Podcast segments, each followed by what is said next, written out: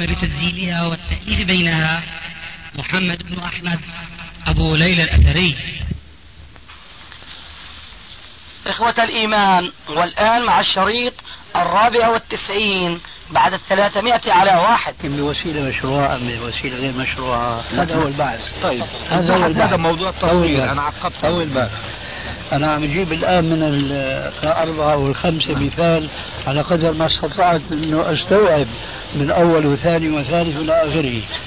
هذه الظواهر التي أنت تؤكد بأنها تؤثر نحن لسنا مختلفين معك فيها. وبخاصة أنه نحن ابن بلد واحد وبلدنا كله بيقول العين مغرف الكلام. ما هيك؟ هذا هو. لكن بقى هذه الصورة ينبغي أن تكون مباحة وما تكون إيش محرمة داخلة في القاعدة العامة. فأنا قلت ما أول ما قلت والشيخ أكد في الأخير واتفقنا وضربنا أمثلة بالهويات والجوازات وإلى آخره.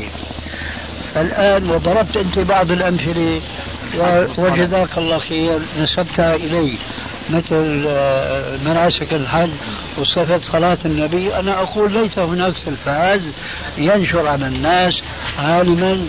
يطبق لهم في التلفاز مناسك الحج لأن أكثرهم يأتون ما يعرفون كيف الحج. أكثرهم الصلاة لا يحسنونها إلى آخره. أنا أتيت بهذا مثلا لبيان أن التلفاز بل الصور بعامة ليست يعني كل جزء داخل في التحريم هو حرام لكن له مستثنيات. لما نريد أن نستثني هنا بقى يحتاج الأمر إلى علم. وإلى تقوى. ولما قلت أنت مثلا في جملة ما قلت أنه قد يصيبه غرور والمدرس يصيبه غرور. كان مثالك كناقل التمر إلى هجر. لما؟ لأنه أنا ذكرت هذا. ذكرت الحديث أنه هذا بيصرف قلوب الناس وأعان الرجل على ذكر هذه اللفظة بذاتها. أن رجل ولذلك قلت أنه هو هذا الذي يلقي الدروس هو معرض للفتنة هذا ما في فيه لكن أي الأمرين أظهر للفتنة وأبرز لها وأقوى لها أنا الآن أضرب لك مثلا بسيطا جدا. الخطيب لما يصعد على المنبر أليس في موضع فتنة؟ نعم. هاي. لكن الآن شوف الفرق. الخطيب الذي يخطب على منبر كمنبر الرسول فيه ثلاث درجات. والذي يكاد ينطح السماء برأسه عشر درجات أيستويان مثلا؟ لا. فإذا يجب أن نراعي هذه الأسباب التي هي ظواهر قد تؤثر وقد لا تؤثر. ولكن مثل ما بيقول بلدنا كمان بعيد عن الشر والنيل. وهذا معنى إيش؟ برضه كذلك. وهذا مأخوذ من قوله عليه السلام ومن حام حول الحمى يوشك أن يقع فيه هذا هو. فبارك الله فيك الأمثلة أو الأجزاء التي ذكرتها أولا وثانيا وثالثا إن كانت تعطي إباحة التلفاز بصورة عامة وما إخالك تقول بذلك فنحن اتفقنا. وإن كانت تؤدي إلى أنها تباح في في صور معينة كالصورة التي ذكرها فضيلة الشيخ وكالصورة التي نقلتهما عني. هذا ليس موضع خلاف. موضع خلاف أن نستعمل التلفاز بعامة. عفوا. لأنه لأهمية هذه المسألة. لأنه آه، أخونا الذي ذكر البرامج التي يقدمها على على على ما أظن فيها آه، يعني يعني فيها فائدة وفيها هذا الاستثناء. ما دام مناظرة آه، وبعدين أنا ذكرت نقطة مهمة وهي أهم شيء إنه يجب أن أن نميز بين التصوير التصوير هذا غير ثابت آه. شريط هذا اللي بده رد نعم. هذا اللي بده رد من يعني صورة من الاشياء اللي ذكرتها دكتور اولا وثانيا وثالثا يعني هذه الصور التي صورت وحبست ما اسمها؟ ما اسمها صورة إلا إذا طلع في التلفزيون ما ما أما شريط ما له فائدة. مثل هذا الشريط مسجل عليه كاسيت ومحطوط. ما في فائدة إلا إذا أنا استعملته. وإذا وضعته في التلفزيون شيء عابر. ما في آه، راح منه التعظيم وراح منه آه، يعني آه، الشيء الثابت اللي أشوفه في صورة يعني ثابتة مستقرة. ما أظنك اجبتني نعم نعم.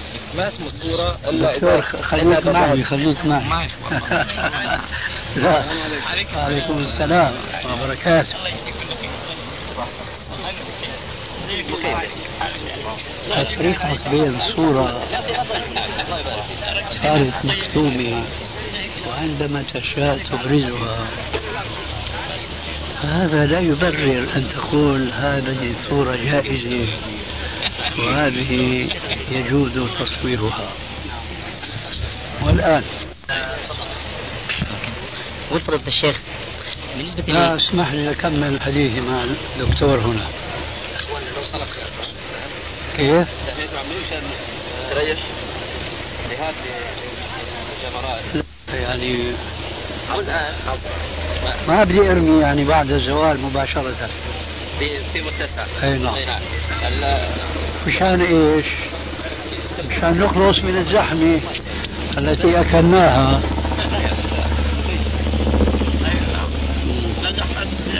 أريد أن أقول بارك الله فيك. الإنسان يجب أن لا يقف عند الشكليات لأن الشرع أدبنا وهذبنا ونهانا أن نقف عند الشكليات. الآن نحن نأخذ الخطوة الأولى. هذا الذي صور صورة ابنه.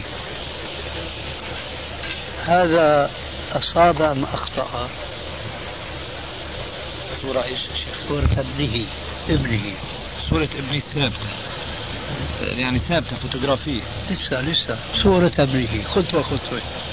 هذا الذي صور صورة ابنه. من حيث أنه صور صورة ابنه. ليس ليسجل في الهوية أو ما شابه ذلك وإنما هكذا هوى تذكار ما شابه ذلك. أصاب أم أخطأ؟ أخطأ أو آه، ليس من لأنه ما في فائدة كذا. أنا ما أسألك عن العلة لا أخطأ. خير الكلام ما قال وذل. أخطأ. نعم. خبأها في الصندوق. نعم. أصاب أم أخطأ؟ لا أخطأ من الأول. إذا ينسحب هذا الخطأ نعم. طيب الحكم كذلك في التلفاز بارك الله فيك.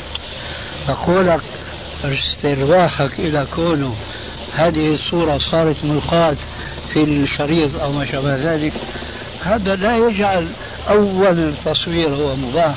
لا الأصل أنه داخل في التحريم وما بني على حرام فهو حرام. هذا أولا. صورة الولد خباها. لكن هو مستعد كل ساعة أنه يأخذها ويتمر فيها ويتذكر خاصة إذا كان إيش؟ قد أخذ الله أمانته إلى آخره. كمان هيك بتملى فيها وذكريات إلى آخره. ثم إيش؟ بالقيام في الصندوق. هذه وسائل لصرف المسلمين عن طاعة الرسول عليه السلام في تحريمه للتصوير بعامة. فإذا كون الصورة كانت معلنة بالأول وصارت مخبأة في الآخر مو معناه أنه الأول صار مباحا لا كان محرما ولا يزال محرما.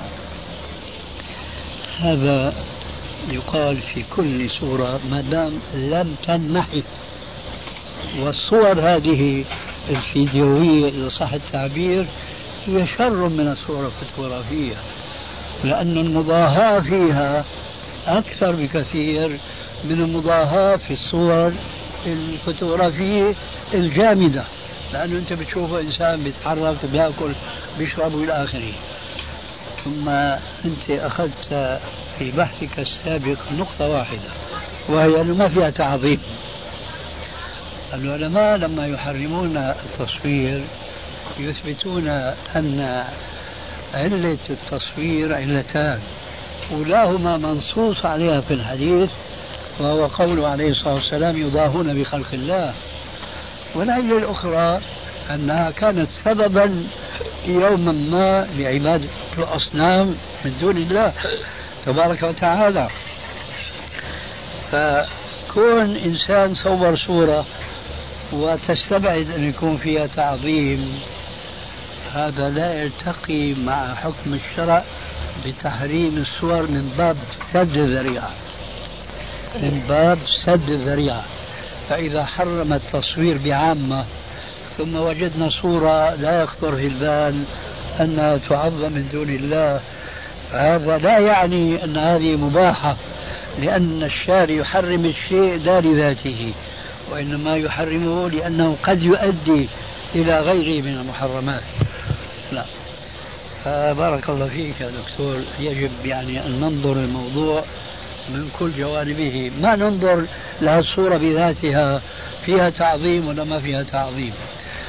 الصورة التي علقتها السيدة عائشة في وكانت مطرزة في قرامها أو في مرفقها وسادتها هل تظن أن السيدة عائشة كانت تعظم هذه الصورة؟ طبعا لا. لكن قال عليه السلام إن هؤلاء المصورين أشد الناس عذابا يوم القيامة. يقال لهم أهل ما خلقت.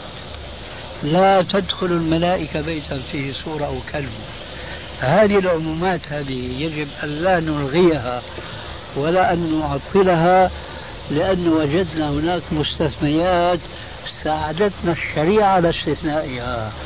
توقفنا عندها واحتفظنا بالأصل وهو أن التصوير كله حرام. لا فرق بين صورة يدوية أو صورة فوتوغرافية شمسية أو صور فيديو كما يقولون اليوم في هذا الزمان. تفضل. فضيلة الشيخ يعني بالنسبة لمن يقول أن الصور صورة الفوتوغرافية أو الصورة الفيديو أنها لم تكن موجودة في زمن الرسول صلى الله عليه وسلم. نعم هذه شبهة الناس. فهي تقاس على ما كان موجود في زمن الرسول صلى الله عليه وسلم. لا تقاس. وأتم كلامك هذا ما يقولونه بارك الله نعم. وهنالك في زمن الرسول صلى الله عليه وسلم كانت صورتان صورة المرآة أو الماء وما شكلها. وصورة آه، الصور التي بالرسم والنحت وهذه الصور فمن الناس من قاسها على صورة المرآة. على أنها هي نفس الخلق الذي خلقه الله ينطبع على المرآة أو على هذا السطح المصقول وليس فيها هذه المضاهاة. فهي أميل إلى أن تقاس على صورة المرآة لأنه ليس فيها إظهار لإبداع الإنسان أو إلى جهد الإنسان ومدية الإنسان لأن هناك الحديث كما تفضلتم الذي يعني ذهب يخلق كخلقه. نعم الذين يظهرون خلق الله. هذه الصورة أشبه قالوا بالمرآة صورة المرآة لأن ليس فيها جهد للإنسان يظهر براعة الإنسان التي فيها التشبه بالله سبحانه وتعالى. هنالك من قاسها على أنها صورة أشبه بالصورة التي النحت والرسم وهكذا. نعم. خلاص نعم. أولا بارك الله فيك المسألة ليست فيها قياس لا سلب ولا إيجاب. والدليل على ذلك هذا الذي يصور بالجهاز وهو الآلة الفوتوغرافية هذه. ما اسمه في اللغة؟ وأثر هذا الجهاز ما اسمها في اللغة. صورة. إذا هو مصور. وتلك صورة. حسن. فالآن إذا أخذنا قوله عليه السلام كل مصور في النار. كعرب نفهم كلام الرسول عليه السلام. يدخل فيه هذا المصور الذي نحن نختلف فيه الآن أم لا؟ على اللفظ العام. ولا؟ كل مصور في النار. نعم. سمحت لو سمحت أفصل في هذه الجزئية. أقول كذلك صورة المرآة تسمى صورة لا. يسمى مصورا. الذي صنعها آه؟ يعني نحن لا يمسكها الإنسان الآن لا ويجعلها لا يعني. أنت أجبني وأرها نفسك. نعم. الذي وقف في, ال... في أمام المرآة. اسمه مصور. هذا مصور. كالشخص الذي وقف أمام الكاميرا سامحك الله. نعم. سامحك الله. خير الكلام ما خير ذلك نعم. هذا الذي وقف أمام المرآة. اسمه مصور؟ لا. انتهى الأمر. أرجوك. أرجوك.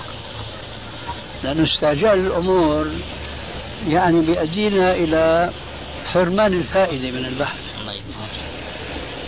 فإذا كنت تؤمن معي تماما كما أظن أن هذا الذي وقف أمام المرآة لا يسمى مصورا لا لغة ولا عرفا. لكني لا لكن لكني أخشى يعني. أنت تستعجل علي. ولو حق لأحدنا أن يستعجل الآخر لحق للشيخ. والشيخ مثلكم لكن نقول جدلا. لو جاز لأحد أن يستعجل على الآخر لحق للشيخ من باب أولى يستعجل.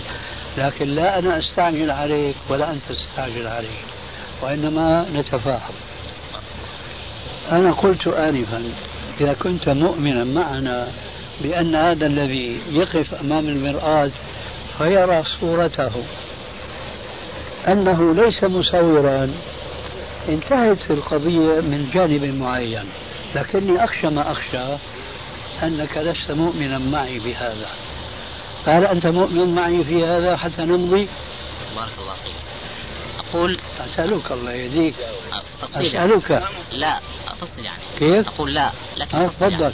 فصل ما شئت. هذا الذي أريد يعني إيه. آسف للمقاطعة يعني ما تفضل. مقاطعة بارك الله لا. مش مقاطعة لا قبل قليل يعني إنما أنا إذا سألتك أرجو أن يكون جواب جوابك واضحا بارك الله فيك لأنه في الأول قلت لا هذا الذي أفصله هذا ليس مصورا نعم والآن تقول ماذا؟ نعم أقول لا بتفصيل تفضل. أقول يعني الذي صورة المرآة تسمى صورة وصورة الفيديو تسمى صورة والذي يقوم بالتصوير يسمى في الفيديو يسمى مصور هذا حق. والذي يقوم بالتصوير السابق. الذي يقوم بالتصوير في الفيديو يسمى مصور كذلك. ولكن بالنسبة للمرآة هنالك صورة المرآة هذه تسمى صورة أما الذي وقف أمامها هو يسمى مصور. كالشخص الذي وقف أمام المرآة يسمى مصور. هنا المصور غير موجود. هذا الذي أريد أن أقوله يعني قبل قليل. خلاص هذا الذي أريد أن انتهيت. سامحك الله يا أستاذ. لقد عدت بنا من حيث بدأنا ثم خرجت بنا إلى ما لم ننتهي إليه. كان بحثنا في الآلة آلة الشمسية هذه المصورة. فرجعت بنا إلى الفيديو آه. ثم حسب ما سألتك وأجبت أولا. هل هذا الإنسان الذي وقف أمام المرآة مصور؟ أجبتني أولا لا ليس مصورا. ثم عدت فقلت أنا أقول لا لكن بتفصيل. لما فصلت ربطت الصورة بالفيديو وما ربطت بآلة الشمسية هذه الآلة المصورة هذه. شو بيسموها؟ كاميرا. كاميرا. لذلك خلينا الآن عند الكاميرا اتفقنا أن هذا الإنسان الذي يقف أمام المرآة ليس مصورا. ولا أذهب عنك بعيدا وأقول أن هذه الصورة التي في المرآة هي صورة. فلا أناقشك في هذا. ولذلك لا نتجادل في أمر متفق عليه. نحن متفقين والحمد لله. لكننا نتناقش في أمر قد نكون مختلفين فيه. والآن بدا لنا أننا والحمد لله متفقون على أن هذا الذي يقف أمام المرآة ويرى صورته فيها هو ليس مصورا. وأن هذا الذي يصور الناس بالكاميرا هذا اسمه مصور زائد وأن أثر تصويره هو اسمه صورة. جميل. الآن ندع المصور الذي اتفقنا على أنه ليس بمصور وهو الذي يقف أمام المرآة. الآن نتكلم عن هذا من حيث الأسلوب العربي. اتفقنا أنه مصور. وينبغي أن نتفق على أنه داخل في عموم قوله عليه السلام كل مصور في النار لأنه نص عام لا يجوز الخروج منه. إيش هو؟ اتفقنا على ان الواقف امام المرآة هو مصور لا. يعني هذا اتفقنا على أنه ليس بمصور أما الصورة هي صورة. فندع ذيك الناحية لنقول الآن الذي يصور بالكاميرا هو مصور لا شك. وأنه داخل في عموم قوله عليه السلام كل مصور في النار. كذلك داخل في عموم قوله عليه السلام من صور صورة كلف أن ينفخ فيها الروح يوم القيامة وما هو بنافع. إلى هنا الكلام من حيث الأسلوب العربي. ماشي سالك؟ كويس. الآن ما الذي أخرج هذه الصورة من هذه العمومات؟ ما الذي أخرجها؟ لا شيء. أنا أقول الذي أخرجها. شيئان اثنان.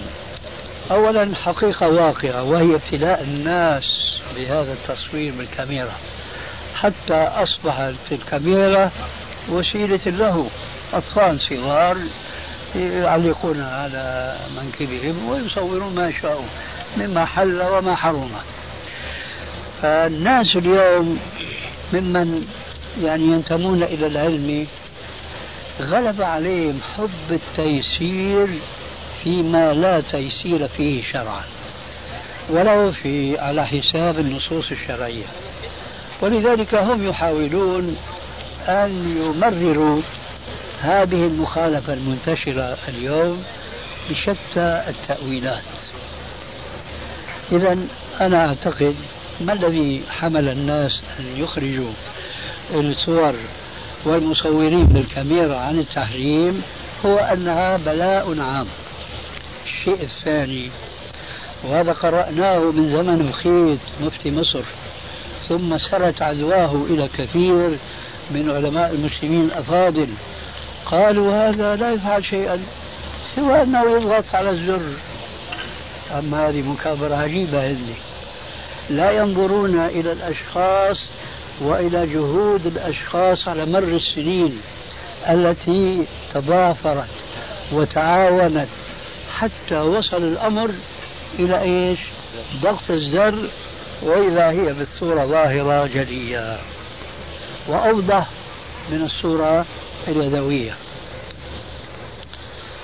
ثم ترى هل تظهر الصورة كما يريد هذا المصور دون أن يصوب الكاميرا إلى الهدف الذي يراد تصويره. طبعا الجواب لا. لماذا يتغافل هؤلاء الناس ويقولوا ما فعل شيئا سوى أنه ضغط على الزر؟ يا أخي هو تعاون مع المصورين هذول الكفار اللي من مئات السنين أول ما ابتكروا هذا الجهاز كانت تطلع الصورة مش واضحة كان بدها تحميض ومدري إيش وبصوروك اليوم بيقول لك بعد يوم يومين إلى آخره. وإلى الآن كبسة زر تطلع الصورة مباشرة. هذا التعاون هذا كله تجاهلوه تماما وقالوا هذا المصور ما صنع شيئا سوى ضغط على الزر. وأولئك الذين صوروا هذه الآلة أوجدوها بعد أن كانت عدما هؤلاء لا يحسب لهم حساب. وأخيرا عمل هذا الرجل. خلي الكاميرا هون صور الإنسان وكليش بالزور ما بيطلع صورته. إذا هو الذي يصور ولذلك كان من العرف العام الذي لا يستطيع أن ينكره إنسان أن هذا الذي يصور بالكاميرا اسم مصور لأنه صدر منه فعل. كل ما في الأمر من الفرق بين هذا المصور والمصور القديم أنه كان يأخذ القلم أو الريشة ويضع المصور أمامه ويدقق النظر فيه ويتعب بصره حتى تخرج إيش؟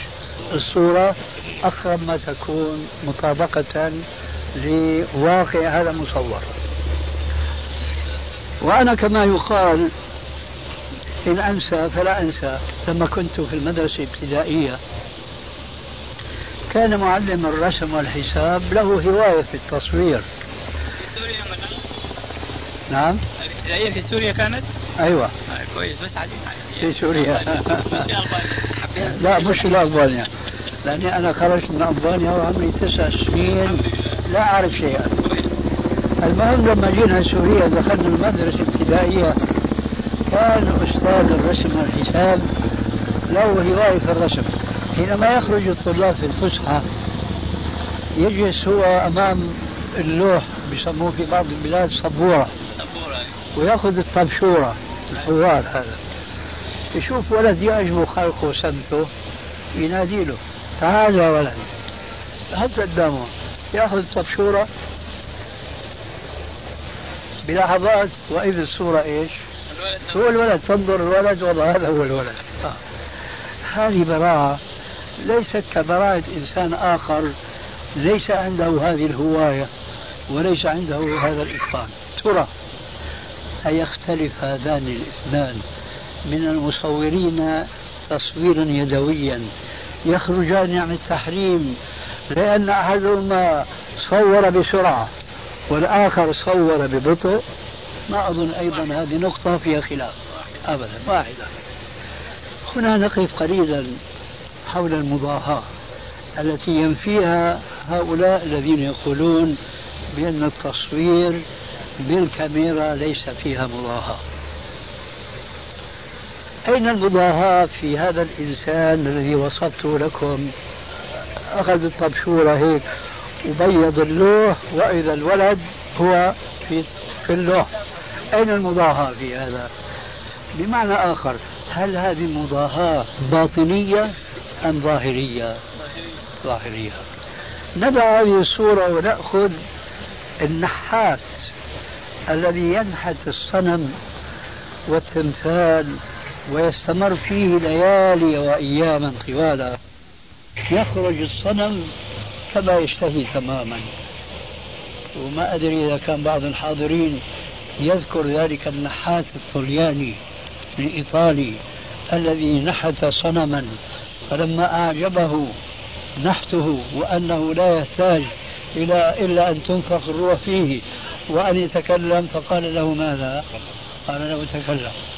ما تكلم. فما فعل به؟ حطمه. حطمه. هذا مثال تمثال.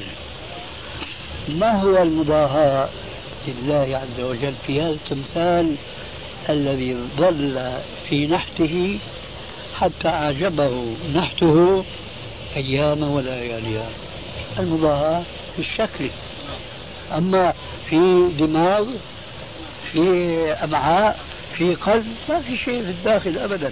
إذا المضاهاة شكلية ظاهرة فهي معروفة سواء كانت تصويرا تطريزا تصوير على الورق تطريزا على الثوب أو نحتا للحجر أو ما شابه ذلك.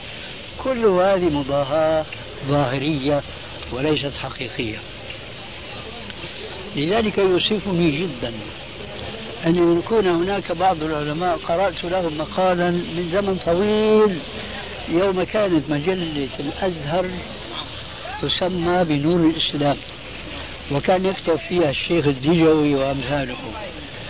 كتب أحدهم مقالا مع الأسف الشديد يذهب فيه إلى إباحة الأصنام نحت الأصنام ليس فقط إباحة التصوير على الورق لا هو ذكر قولين ثم اختار من القولين أبعدهما عن السنة.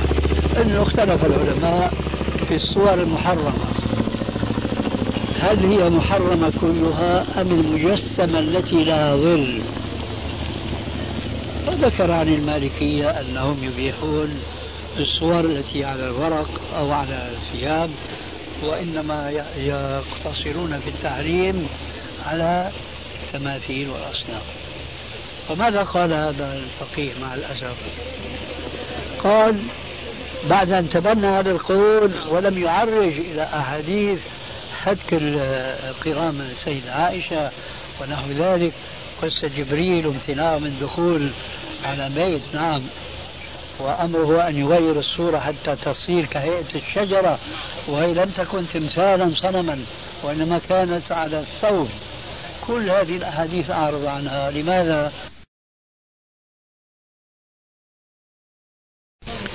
لذلك يوصفني جدا أن يكون هناك بعض العلماء قرأت لهم مقالا من زمن طويل يوم كانت مجلة الأزهر تسمى بنور الإسلام وكان يكتب فيها الشيخ الدجوي وأمثاله كتب أحدهم مقالا مع الأسف الشديد يذهب فيه إلى إباحة الأصنام نحت الأصنام. ليس فقط إباحة التصوير على الورق لا هو ذكر قولين ثم اختار من القولين أبعدهما عن السنة أنه اختلف العلماء في الصور المحرمة. هل هي محرمة كلها أم المجسمة التي لها ظل؟ ذكر عن المالكية أنهم يبيحون الصور التي على الورق أو على الثياب وإنما يقتصرون في التحريم على التماثيل والأصنام فماذا قال هذا الفقيه مع الأسف؟ قال بعد أن تبنى هذا القول ولم يعرج إلى أحاديث حتك القرام السيدة عائشة ونحو ذلك قصة جبريل وامتناعه من دخول على بيت نعم.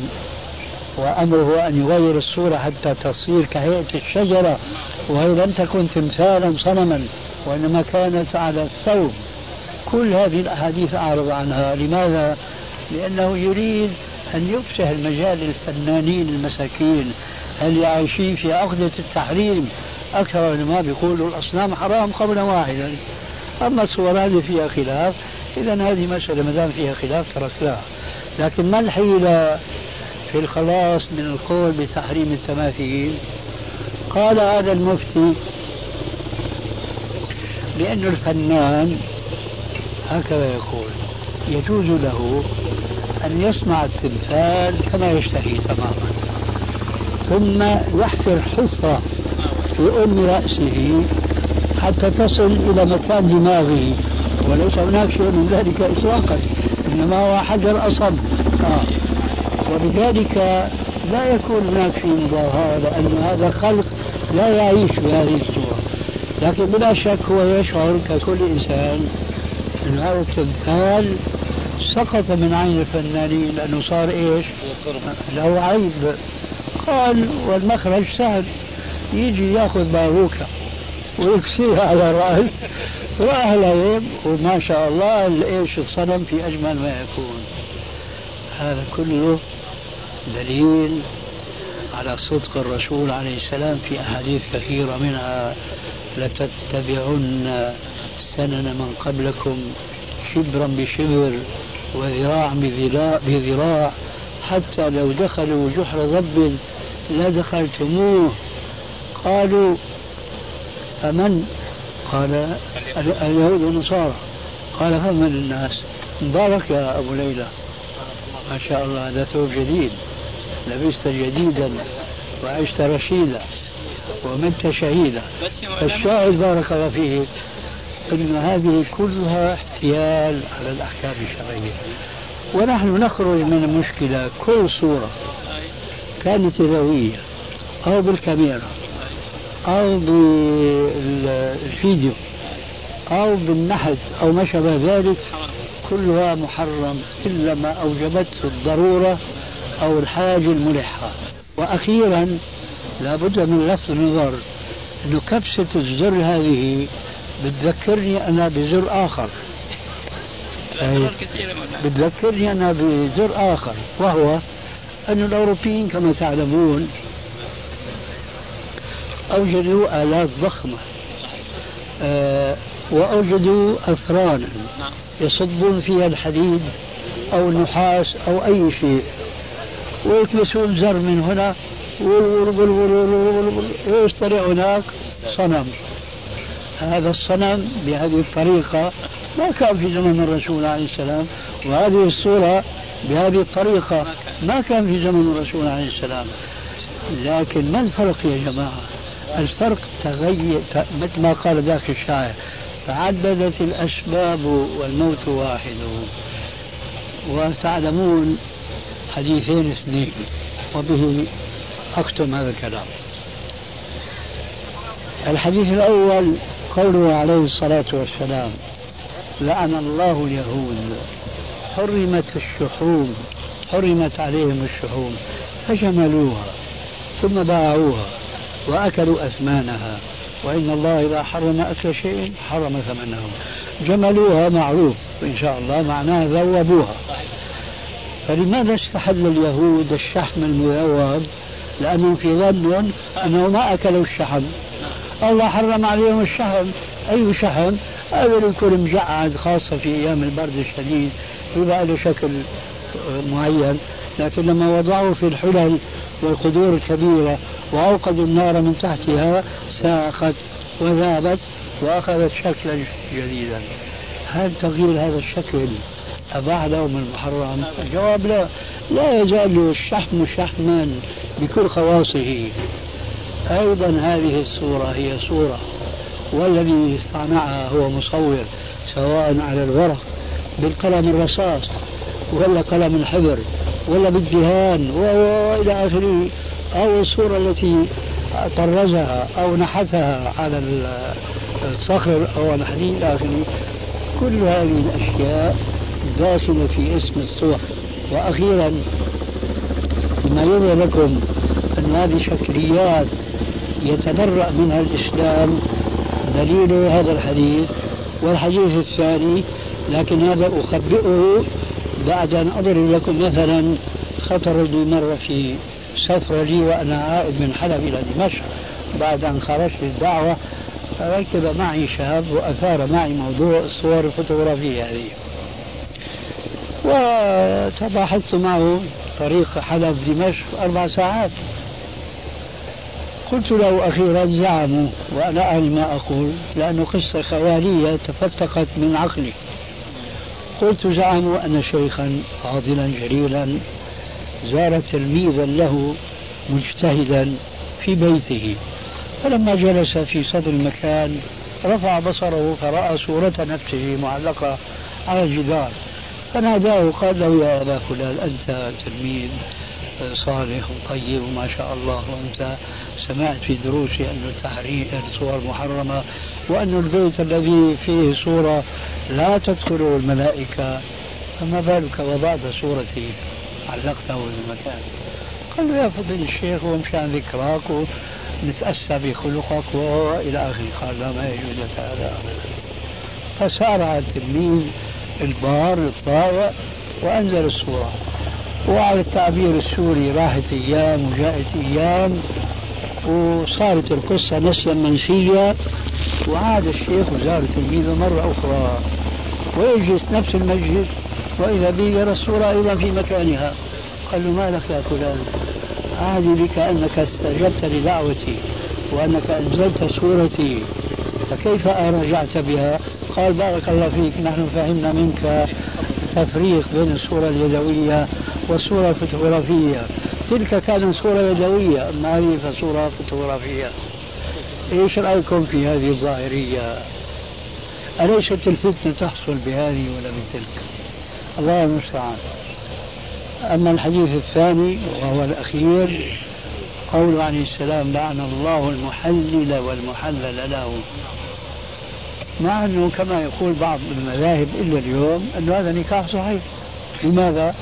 لأنه توفرت فيه شروط النكاح علم الولي ورضا الزوجة وشهود العدول إلى آخره ولكن كان المقصود من ذلك هو تحليل ما حرم الله. إذا إذا الاحتيال على ما حرم الله بأي وسيلة كان فهو حرام.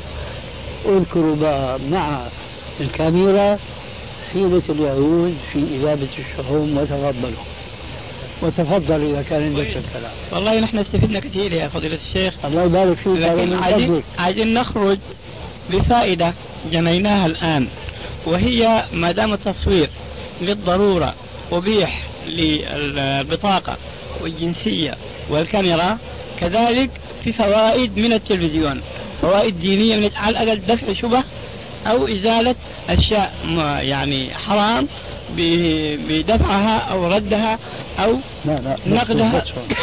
السنة. معنى ذلك يعني التصوير التصوير لضرورات لا لا غبار عليه. ما الاعتقاد بحرمته. هذا يعني تكرار لما اتفقنا عليه سابقا. نعم. ولكن أريد أن ألح حول نقطة أخرى لابد من ملاحظتنا إياها. نعم. وبدءا بالجوازات أو الهويات الشخصية نعم أنا أعتقد أنه إذا كان يمكن الاستغناء في الدولة الإسلامية المنشودة نعم. عن الصور الفوتوغرافية نعم. للهويات الشخصية نعم. أو الجوازات الرسمية نعم. فنحن يجب أن نستغني عنها. صحيح.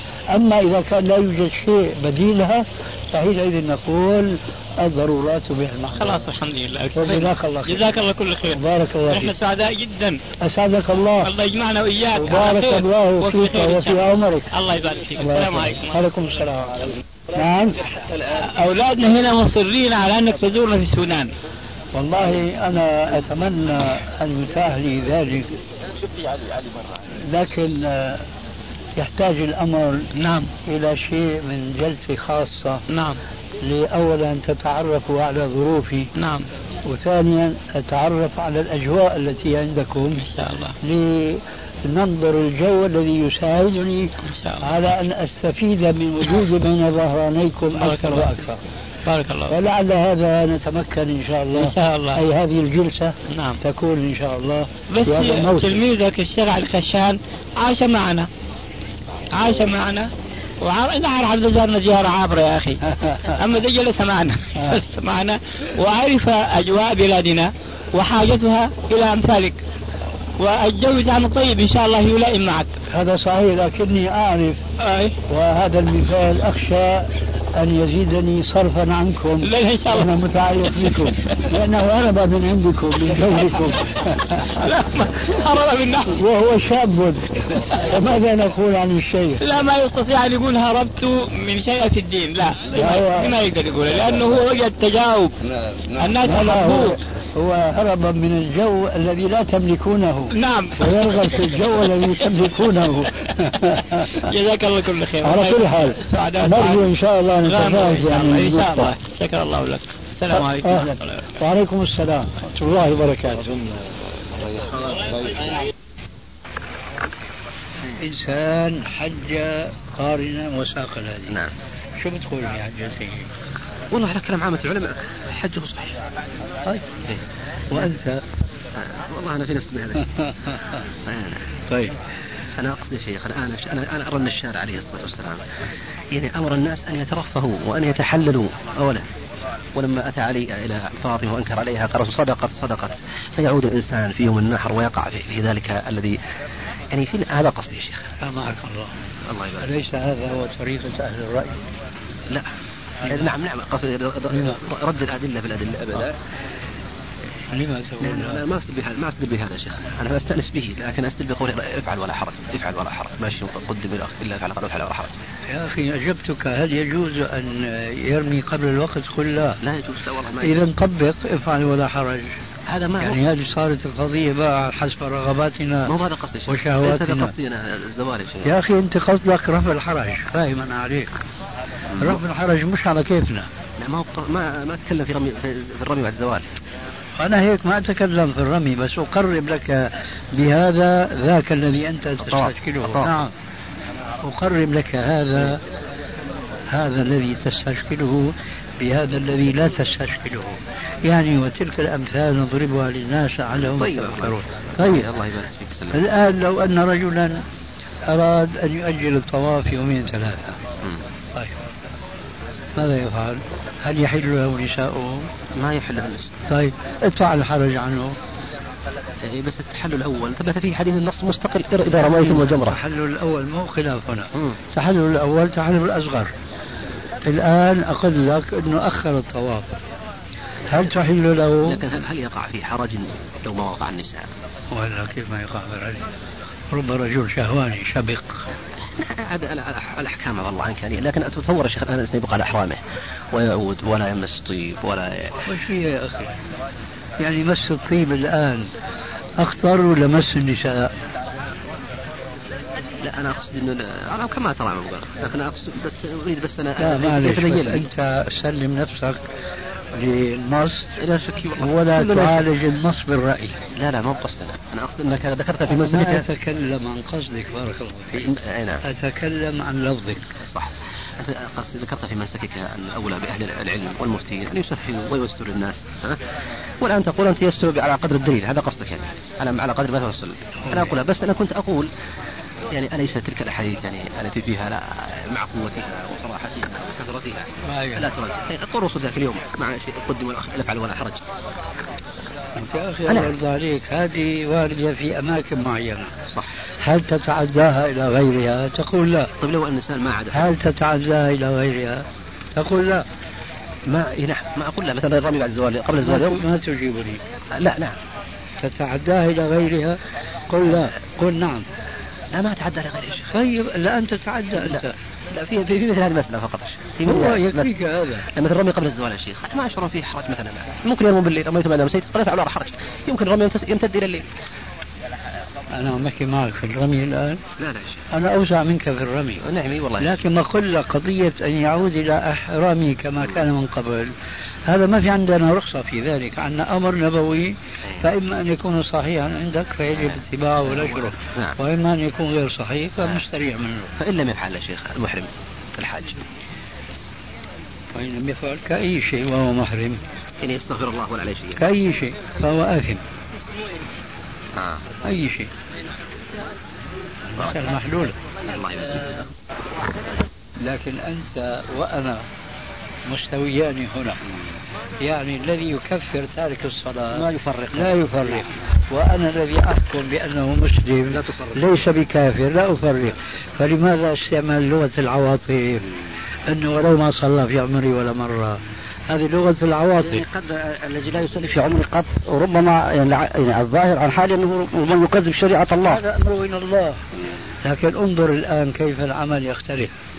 هذا الذي لم يصلي في عمره قط. آه.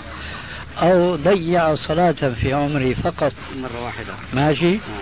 هذا أو ذاك إذا عرض على النطع وق- النطع ضرب الرأس. ها؟ آه. وقيل له إما أن تصلي وإما القتل. فآثر القتل على الصلاة يموت مرتدا لأنه قام الدليل المادي أما بينه وبين ربه ما صلى البتة أو صلى قليلا أو كثيرا إلى آخره. فهذا بماذا نخرجه عن الملة والفرض أنه يشهد أن لا إله إلا الله رسول الله؟ لكن أنا أتعجب من أهل العلم. خاصة في بلادكم هنا الذين يلقنونكم بأن تارك الصلاة كافر وبقيد كسلا مش جحدا. جحدا ما في خلاف. آه. كيف لا يرون حديث الشفاعة الوارد في الصحيحين أن المؤمنين لما يدخلون الجنة يقولون يا ربنا إخوان لنا كانوا يصلون معنا ويحجون معنا ويصومون معنا ويجاهدون معنا. ما نراهم. دخلوا النار. فيقول الله انظروا من وجدتم منهم في النار فأخرجوهم. فيخرجون خلقا كثيرا. ثم يقولون يا ربنا قد أخرجنا خلقا كثيرا. قال فانظروا من كان في قلبه مثقال دينار من إيمان فأخرجوه من النار. هؤلاء يكونوا مصلين؟ لا، دخلوا النار لأجل سبب آخر. ما سو... ما ما سبب آخر. ما انتبهت. الوجبة الأولى. قالوا كانوا يصلون وإلى آخره أخرجوهم من النار. صار قسيم لل- وجهة أخرى. يعني قسيم للأول. آه. صاروا هذه جماعة أخرى ليسوا يصلون في بيوتهم. ما يصلون في الجماعات. الح- القسيم الأول. عن الموضوع. أحسن الله عليك وحديث بين الرجل القس- القسيم الأول يصلون معنا. الظاهر يصلون معنا في الجماعة جماعة في الصلوات في المساجد. طيب. والقسم الثاني الذين في النار بقوا. أيوة. لعلهم صلوا لكن في البيوت. لعله يعني, يعني هذا احتمال وارد. هذا لا ليس واردا لا اسمع تتمة الحديث. أخرجوا من كان في قلبه وزن دينار من إيمان فيخرجون خلقا كثيرا كثيرا نعم. أحسن الله عليك فيقولون يا ربنا قد أخرجنا أخرجنا من النار. من أذنت لنا؟ قال انظروا من كان في قلبه مثقال نصف دينار أو وزن نصف دينار. فيخرجون خلقا كثيرا إلى أن يخرجوا من كان في قلبه وزن ذرة من إيمان. ثم يقول الله شفعت الأنبياء والرسل والملائكة والصالحون وبقي شفاعتي. فيقول أخرج من النار من لم يعمل خيرا قط. خيرا قط. خيرا قط لم يقل لا إله إلا الله. إيش رايك خيرا لم يعمل لم, لم يقل لا إله إلا الله اذا لا. الإيمان الإيمان. لا أنت الآن تستعجل. نعم طيب. إما أن ترد الحديث أو لا، تؤمن لا به. ما أظن. ما أظن. لكن تبقى إما الثانية. لا ترد الحديث لأنه الحديث متفق عليه. عليه. اذا لماذا تؤول الحديث بالتأويل الذي لا يقول به مسلم؟ يعني ما قالوا لا إله من إلا الله. الأعمال. هذا هو. فانظروا أخرجوا من النار من لم يعمل خيرا قط يعني من الأعمال الصالحة. أما الإيمان لابد منه لأنه هو الأساس. فاذا هذا الحديث لا يذكر اطلاقا بهالمناسبه حتى ابن قيم الجوزي رحمه الله الذي جمع ذلة الفريقين ما ذكر الحديث بالتفصيل وإنما جاء في الجملة الأخيرة هذه. فهذا ماذا نفعل به؟ أما حديث بين الرجل وبين الكفر ترك الصلاة ومن ترك الصلاة والكفر هذا جواب معروف لأنه ليس كل من قيل كفر بمن ارتد. هذا هو. ما طالب إيدك شيء انت أنا شايف يعني يعني حاطين حاطينك حاجب الناس وما عم تقوم بالوظيفه الناس ياخذ يمينك ونام وخلاص الله يجزيك